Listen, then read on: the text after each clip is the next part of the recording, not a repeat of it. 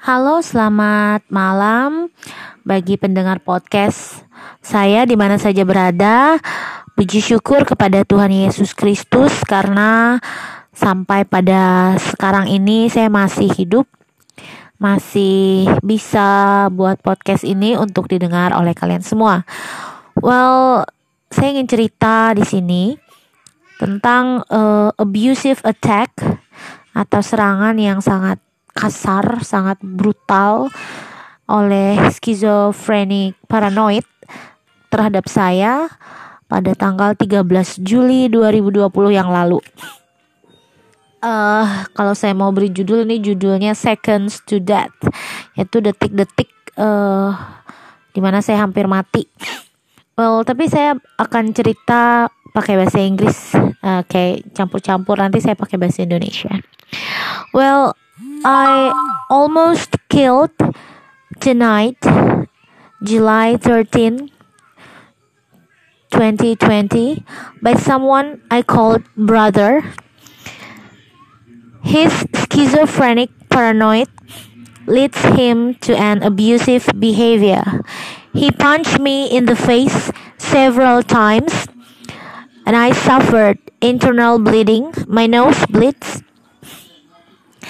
People, I mean neighbors, they watch me and some offered help. He gets what he wants now, which is freedom. I should have listened to my own inner voice to get out of bedroom when he tries to escape, but I didn't listen. My two and a half year old son was there with me when my brother was attacking me. He hears me shouting and crying. He cries too. I can't forgive myself for not hearing my inner voice that alarmed me that something worse is about to happen. It's weird that I already had a dream about him, about his escape. Now after this happening, at least they will and already hear my voice and my story. I hope that by telling my own story, I can't save people from the experience I've been through. Listening to your inner voice maybe can help you. I don't know for tomorrow, but at least for one night, he is not here anymore. He is free, and I am free too. Well, the sacrifice is big, my blood, for his freedom. I will have trouble sleeping tonight as I really need help on this insomnia. People ask me about what happened. I can't repeatedly tell my story to many. Just by doing so, I played again this traumatic bloody night in my mind. I feel the need to learn how to protect myself, and I will do that soon. And I hope things will get better, though in fact, I'm living with a monster for almost four years. Well, um, itu tadi sedikit oret-oretan yang aku buat saat uh, setelah kejadian tanggal 13 Juli malam tanggal 13 Juli 2020. Jadi kronologinya pada saat itu tanggal 13 Juli uh, sekitar jam 7 lewat itu aku sudah di dalam kamar in my bedroom with my son dan saat itu uh, aku sedang gladi atau rehearsal untuk uh, kegiatan masa orientasi siswa atau masa MOS uh, di SMPN 3 Tami yang layang dan uh, latihannya menggunakan Zoom di Zoom meeting.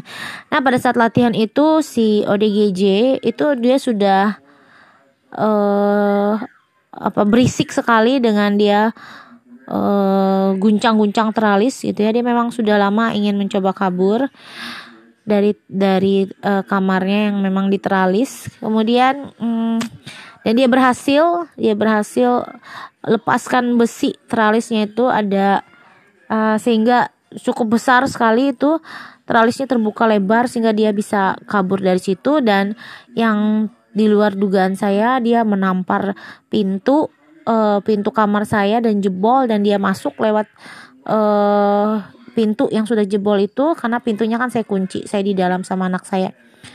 Dan pintunya jebol dan dia masuk dan dia langsung menuju ke arah saya dia tampar saya berapa kali. Kemudian saya ya namanya kesakitan saya berteriak minta tolong. Jendela kamar saya terbuka orang-orang mendengar. Kebetulan ini perumnas ini jaraknya sangat mepet tidak terlalu jauh. Jadi kalau uh, teriakan saya itu masih terdengar.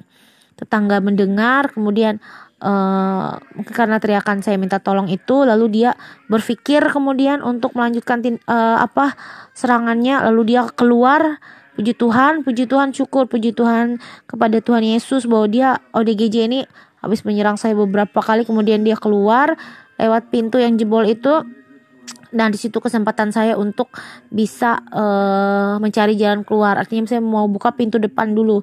Nah, anak saya nggak saya bawa, saya tinggal di kamar karena kalau saya keluar bawa anak, takutnya nanti saya diserang lagi gitu.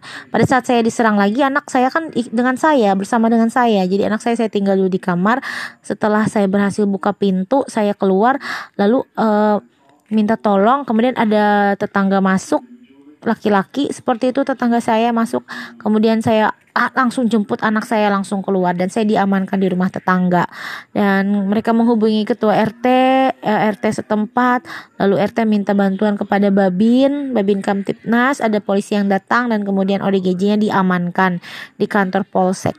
Nah itu tanggal 13 malamnya. Tanggal 14 dia masih di Polsek. Tanggal 15 15 pagi atau kurang tahu saya apakah subuh atau bagaimana dia kabur dari polsek.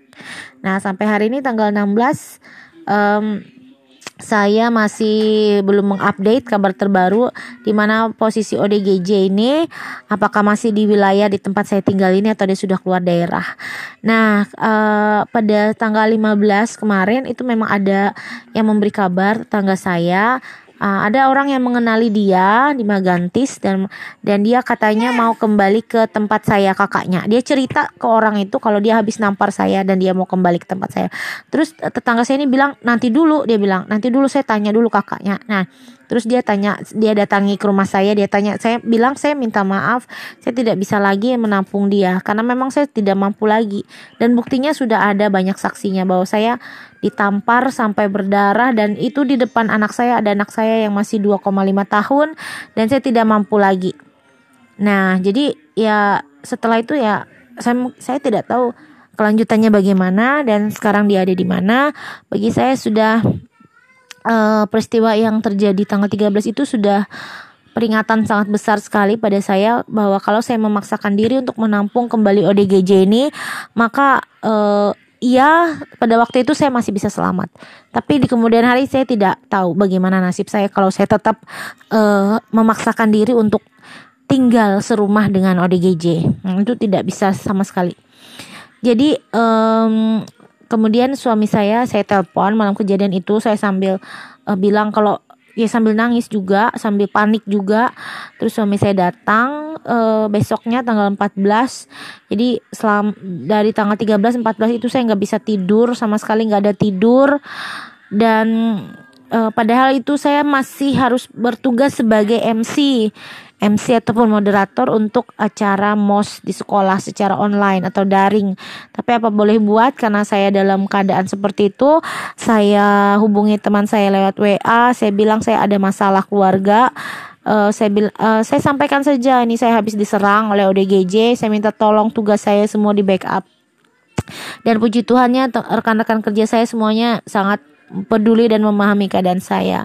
Dan saat suami saya datang, dia tanya gimana nih kelanjutannya. Kemudian dia bilang e, gimana kalau kita kokohkan lagi teralis kamarnya. Saya bilang no, cukup saya tidak, tidak akan lagi seperti itu. Terus gimana dong katanya? Apa kita usir aja kalau dia datang lagi? Saya bilang untuk saat ini saya belum mampu berpikir.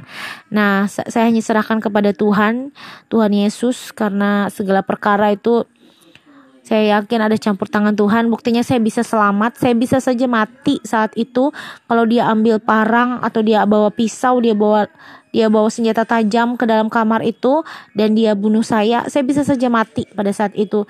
Dan karena campur tangan Tuhan, saya masih bisa hidup dan saya dan kalian masih bisa dengar cerita saya lewat podcast ini. Um, ya saya sudah menjadi caregiver skizofrenia atau orang yang mengasuh skizofrenia paranoid itu sejak uh, orang tua saya meninggal yaitu bapak saya dan kami sudah menjadi yatim piatu. Uh, kemudian saya menyambung tanggung jawab dari bapak saya dari orang tua untuk mengurus uh, ODGJ ini. Walaupun awalnya juga saya tidak tahu apa itu skizofrenia paranoid. Uh, saya banyak cerita tapi bukan di podcast ini tapi di podcast player yang satunya. Dan ini pengalaman pertama saya yang sampai berdarah-darah.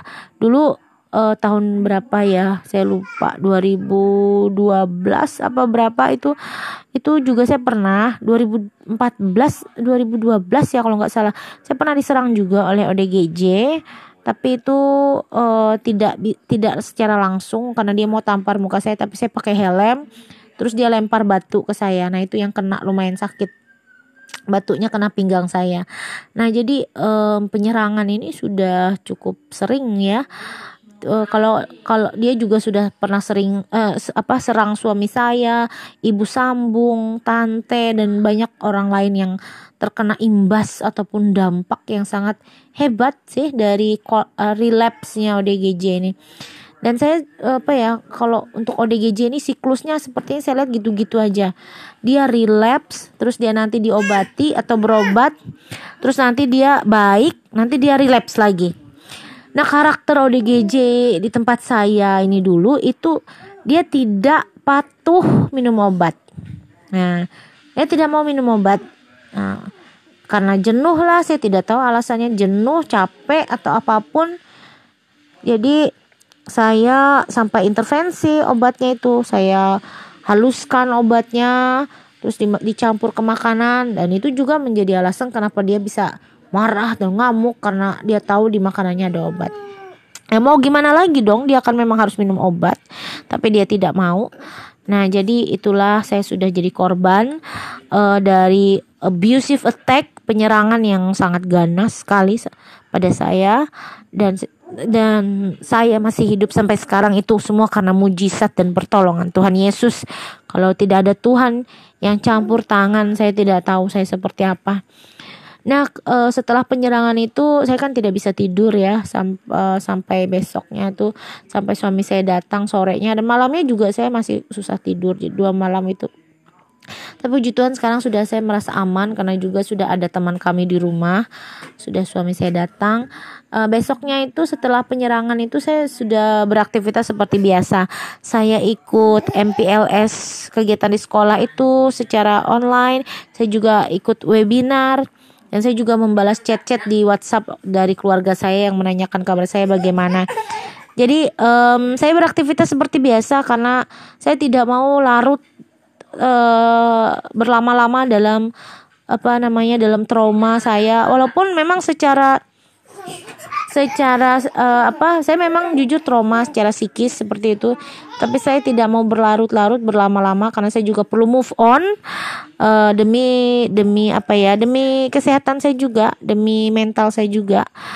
Uh, jadi itulah buat kalian yang juga merasakan apa yang saya alami. Kalau kalian juga adalah caregiver skizofrenia jadi menjadi caregiver itu pekerjaan yang sangat-sangat tidak mudah. Apalagi kalau kalian adalah caregiver skizofrenia kemudian kalian sudah tidak punya orang tua lagi ya kalian anak yatim piatu dan dia skizofrenia itu hanya punya kalian saja sebagai caregivernya. Di situlah tantangannya. Sementara kalian juga punya pekerjaan di mana kalian harus fokus ke pekerjaan. Kalian juga punya keluarga yang harus diurus punya anak kecil seperti saya. Dan itu luar biasa sangat sangat berdampak ke saya dan untuk ke depannya ya saya sambil memantau terus dan mengikuti perkembangan ODGJ ini sudah di mana dia. Dan kami berusaha untuk bagaimana caranya uh, mendapatkan bantuan. Puji Tuhan ada keluarga yang sudah bantu, tante saya di Buntok, dia sudah apa namanya membantu dengan uh, apa mengumpulkan kartu keluarga yang kebetulan saya kirim lewat WhatsApp.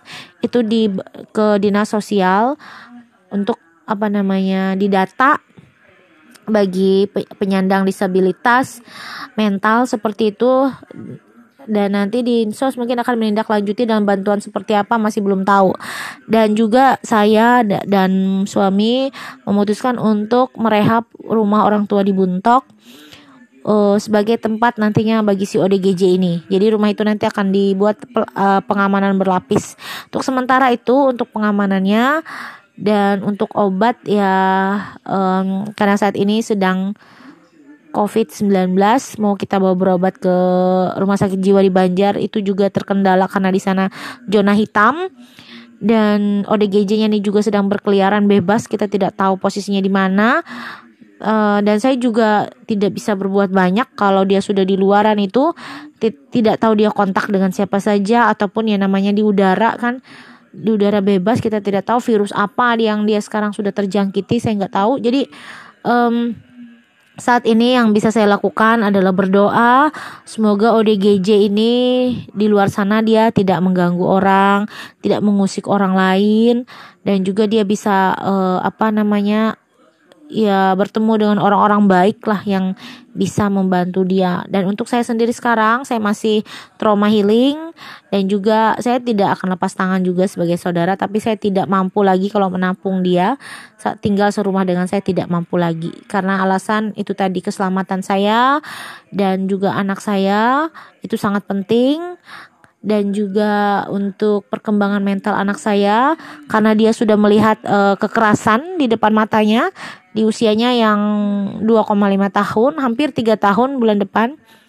Nah, jadi itu. Jadi uh, buat kalian sesama caregiver skizofrenia, kalian pasti mengerti seperti apa rasanya ketika kita diserang sampai berdarah dan eh banyak lagi. Jadi saya ingin saling menguatkan bahwa kita harus tetap sabar, harus tabah, kita harus percaya kepada Tuhan bahwa Tuhan itu ada buat kita. Tuhan pasti melindungi kita. Bahkan seperti dalam situasi saya saat saya diserang itu, Tuhan melindungi saya dengan caranya. Saya dilindungi dengan caranya. Dan kita juga harus ingat bahwa skizofrenia ini berbahaya.